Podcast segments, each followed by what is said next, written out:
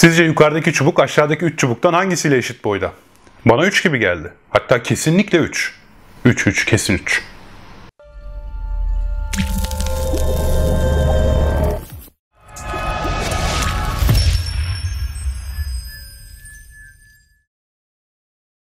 Elbette doğru yanıt 2 idi. Ekranlarınız başında size bu soruyu sorduğum zaman ya bu adam ne diyor görmüyor mu bunun 2 ile aynı boyda olduğunu diyorsunuzdur değil mi? Ama bu soruyu ekran başında değil de bir kalabalık içinde yanıtlasaydınız ve sizden önce 6 kişi özellikle yanlış yanıt verseydi bu doğruyu haykırmak bu kadar kolay olmayabilirdi. Buna sosyal uyum diyoruz. Yani bir şekilde insanın başkalarının davranış ve fikirlerine uyma yönünde baskı hissetmesi. İlginçtir sosyal uyumla ilgili önemli deneylerden ilki Amerika'da yaşayan bir Türk bilim insanı tarafından gerçekleştirilmiştir. Muzaffer Şerif. Muzaffer Şerif bu deneyinde otokinesis dediğimiz bir olgudan faydalandı. Otokinesis nedir? Hani bazen yıldızlara bakarken sabit bir yıldız sanki hareket ediyormuş gibi gelir ya.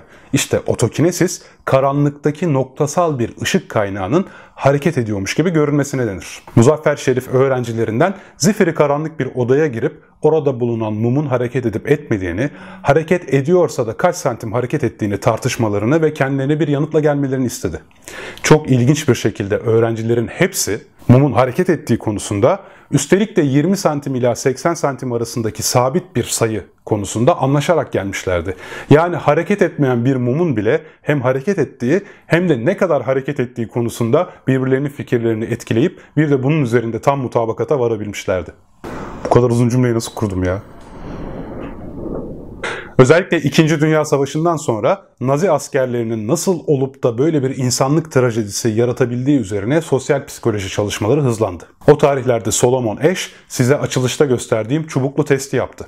Bu çubuklu testte Solomon Ash ve onun 6 öğrencisi, işbirlikçiydi bunlar, bir masada hazır bulunuyorlardı. Zavallı Denek de 7. kişiydi. Three. Three. Three.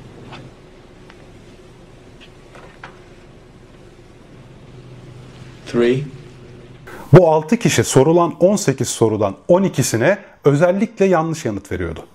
Bu deneye katılan deneklerden %75'i en az bir soruda kalabalığa uymayı tercih etti. Bu deney daha sonra onlarca ama onlarca kere dünyanın farklı noktalarında tekrar edildi. Her seferinde aynı sonuç elde ediliyordu. Katılanların büyük bir çoğunluğu çok bariz bir biçimde çubuk boyu farklı görünmesine rağmen yanlış cevabı tekrar ediyordu. İnanılmaz değil mi? Hatta hatta her sene ben bunu sınıfta geç gelen bir öğrencimize yapıyorum. Önce 6 öğrencimizle yanlış yanıtlar konusunda anlaşıyorum. Daha sonra 7. kişi hakikaten de sınıf arkadaşlarına uymak zorunda kalıyor. Tabii ki Solomon Ash bunun sebepleri konusunda da araştırma yapmış. Deneklere nasıl olup da yanlış yanıt verdiklerini sormuşlar. Deneklerden bir kısmı belki de kuralları yanlış anlamışım diye düşünerek gruba uymayı tercih ettim diyor. Bir kısmı ise belki de benim gözüm yanılmıştır diyerek gruba güvenmeyi tercih ettim diyor. Bir kısmı da doğru yanıtı bilmeme rağmen aykırı ses olmak istemedim diyor. Şimdi size ekran başında otururken eğer ben denek olsaydım hayatta öyle yapmazdım diyor olabilirsiniz. Ama şimdi sizden bir düşünce deneyi yapmanızı istiyorum. Mesela bir tiyatroya gittiniz ya da başka bir şov olsun önemli değil. Şov bitti ve siz onu aslında hiç beğenmediniz. Hatta yarısında uyudunuz bile. Ama şimdi düşünün. Siz hariç herkes ayakta alkışlıyor. Bu baskıya dayanabilir misiniz? Yani gerçekten de insanlar patır patır teker teker ayağa kalkıp büyük bir coşku içinde ayakta alkışlarken siz hala yerinizde oturup böyle alkışlar mıydınız? Belki yapabilirdiniz ama üzerinizdeki baskıyı hayal etmenizi istiyorum. Hakikaten de stresi arttıran bir faktör olmaz mıydı?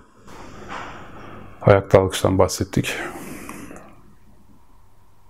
Peki sosyal uyum neden gerçekleşiyor? Şimdi binlerce yıl ama binlerce, on binlerce yıl öncesine gidin. Avcı toplayıcı kabilenizin üyesisiniz. Bütün kabile üyeleriniz bir ödül beklentisiyle tek bir yöne doğru gidiyorlar. Yani orada yemek olduğunu düşünüyorlar. Onlara uymak hayatta kalma şansınızı arttırmaz mıydı? Tersini de düşünelim. Herkes belli bir noktadan kaçıyor. Belli ki orada çok büyük bir tehlike var. Onlara uymak hayatta kalma şansınızı arttırmaz mıydı? Bu sadece hayatta kalma ile ilgili de değil. Sosyal uyumun sebeplerinden bir tanesi de gruplara kabul isteğimizdir. Yani eğer bir gruba kabul edilmek istiyorsak o grubun genel fikirlerine aykırı bir şey söylemek, onlarla ters düşmek, çıkıntı olmak istemeyiz. Vakti zamanında çıkıntı olanlar yalnız kaldığı için hayatta kalma şansları azalmış olmalı. Yani evrim süreci grupta olanlarla uyum sağlayabilenleri hayatta bırakacak şekilde ilerlemiş. Tabi binlerce yıl önce işimize yarayan bu olgular günümüz modern dünyasında saçma sapan hareketler yapmamıza neden olabiliyor. Yakınlarda yapılan bir deney sosyal uyumun hafıza üzerinde de önemli etkisi olduğunu gösterdi. Hatta bu deneyde fMRI cihazı kullanıldığı için geçmişten çok daha avantajlı ve çok daha keskin bilgiler elde edilebildi. fMRI cihazından kabaca şöyle bahsedeyim. Mesela fMRI cihazı şu an ben konuşurken beynimin hangi bölgeleri aktif oluyor onu böyle ışıl ışıl ekranda gösterebilen muazzam bir teknoloji. Bu deney 3 aşamadan oluşuyordu. Öncesinde denek gruplarına belgesel izletildi. Bu belgeselde bazı detaylar vardı. Birinci aşamada insanlara bir test formu verip bu belgeselle ilgili bazı detaylar soruldu. Mesela kadın tutuklanırken üzerindeki kıyafetin rengi neydi gibi. Doğru cevap kırmızıydı. Ve insanların büyük çoğunluğu daha az önce izledikleri belgeselden bu bilgiyi doğru çıkarsayarak doğru yanıtladılar.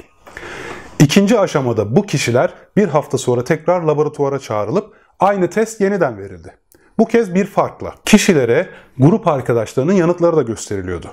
Mesela tam o soruyu çözecekken grup arkadaşlarınızın o soruya ne yanıt verdiklerini de görebiliyordunuz. Araştırmacılar bu yanıtları biraz manipüle etmişti. Mesela tam o kıyafet sorusuna geldiğinizde bir bakıyordunuz ki grubunuzdaki diğer 6 kişi beyaz yanıt vermiş. E haliyle siz de beyazı işaretliyordunuz. Bunu az önceki eş deneylerinden biliyoruz. Zaten buraya kadar olan şaşırtıcı değil. Şaşırtıcı olan nokta bundan sonra. Üçüncü aşamadan önce araştırmacılar az önceki istatistikler konusunda yalan söylediklerini itiraf etmişler. Demişler ki ya biz sana az önce yalan söyledik. Al sen bu testi şimdi kendi hatırladıklarına göre lütfen yeniden çöz. Ne olmuş biliyor musunuz? Deneklerin hafızası aslında sonsuza kadar değişmiş. Yani onlara yalan söylediği itiraf edilmesine rağmen artık onlar kıyafeti beyaz hatırlıyorlarmış. Bu inanılmaz bir şey değil mi ya? Bundan da kesin olarak eminiz çünkü bu deneklerin beyinleri fMRI ile incelendiğinde beyaz olduğu bilgisinin gerçekten de hafızadan çağrıldığı görülmüş. Yani hakikaten de hatıralar değişmiş. Evet, sosyal uyum çok etkili. Bu içimizde. Sosyal uyum içimizde. Elbette sosyal uyumun farkında olarak bununla mücadele etme şansı kazanabiliriz. Ancak daha önemlisi ne biliyor musunuz? Cesur insanlar. Mesela az önceki tiyatro sahnesini şimdi aklınıza yeniden canlandırın. Tiyatroyu beğenmemiştiniz ama insanların hepsi ayakta alkışlıyor.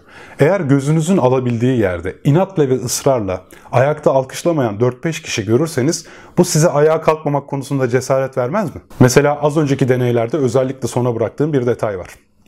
Solomon Eş deneyinde eğer işbirlikçilerden bir tanesi çubuğun boyu konusunda doğru cevabı verirse denek bu tongaya düşmüyor. Yani tek bir kişinin bile doğru yanıtı vermesi deneyin sosyal uyuma kapılma olasılığını dramatik biçimde düşürüyor.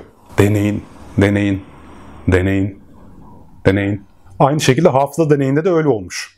Deneye gösterilen grup arkadaşları istatistiklerinde tek bir kişi bile kıyafeti kırmızı olarak hatırlarsa soruyu çözen kişi kadının kıyafetini doğru hatırlıyor. Yani tek bir kişinin bile doğruyu dile getirmesi insanların sosyal uyum yüzünden bir çılgınlığa, bir yalana kapılmasının önüne geçebiliyor. İşte tüm bu bilgilerden her ne olursa olsun gerçeği haykırabilen, farklı bir fikri dile getirebilen insanların ne kadar önemli olduğunu anlıyoruz.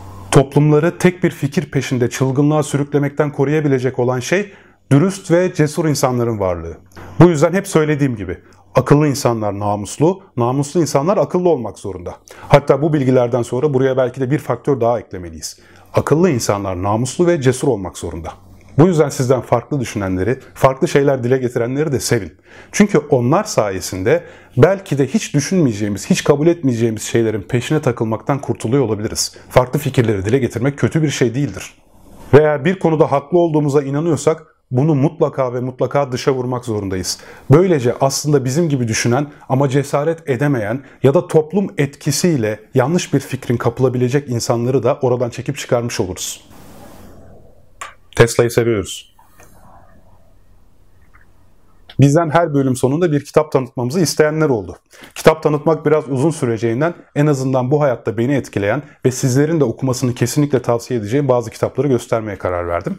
İlkinde Alvin Toffler'ın 3. dalgasıyla başlayalım. Alvin Toffler bir fütürist hatta bence en başarılarından çünkü 80'lerde ve 90'larda sosyal medyayı öngörebilen çok az kişiden bir tanesi kendisi. Hatta benim bizzat okuduğum tek kişi. Alvin Toffler e, sanayi devrimi ve e, tarım devrimine çok başka bir bakış açısı getirip e, üçüncü dalga kavramını ortaya atıyor ve şu an üçüncü dalga toplum olduğumuzu düşünüyor. Dördüncü dalga konusunda da enteresan fikirleri var. Bu kitabın baskısı bittiği için şu an kara borsada böyle nadir kitap gibi sitelerde 200 liraya falan gördüğüm bile oldu. Eğer okulunuzun kütüphanesinde varsa mutlaka vakit kaybetmeden gidip bir okuyun. Evet bu haftaki konumuzun sonuna geldik. Üçüncü bölümde görüşmek dileğiyle. Hoşçakalın.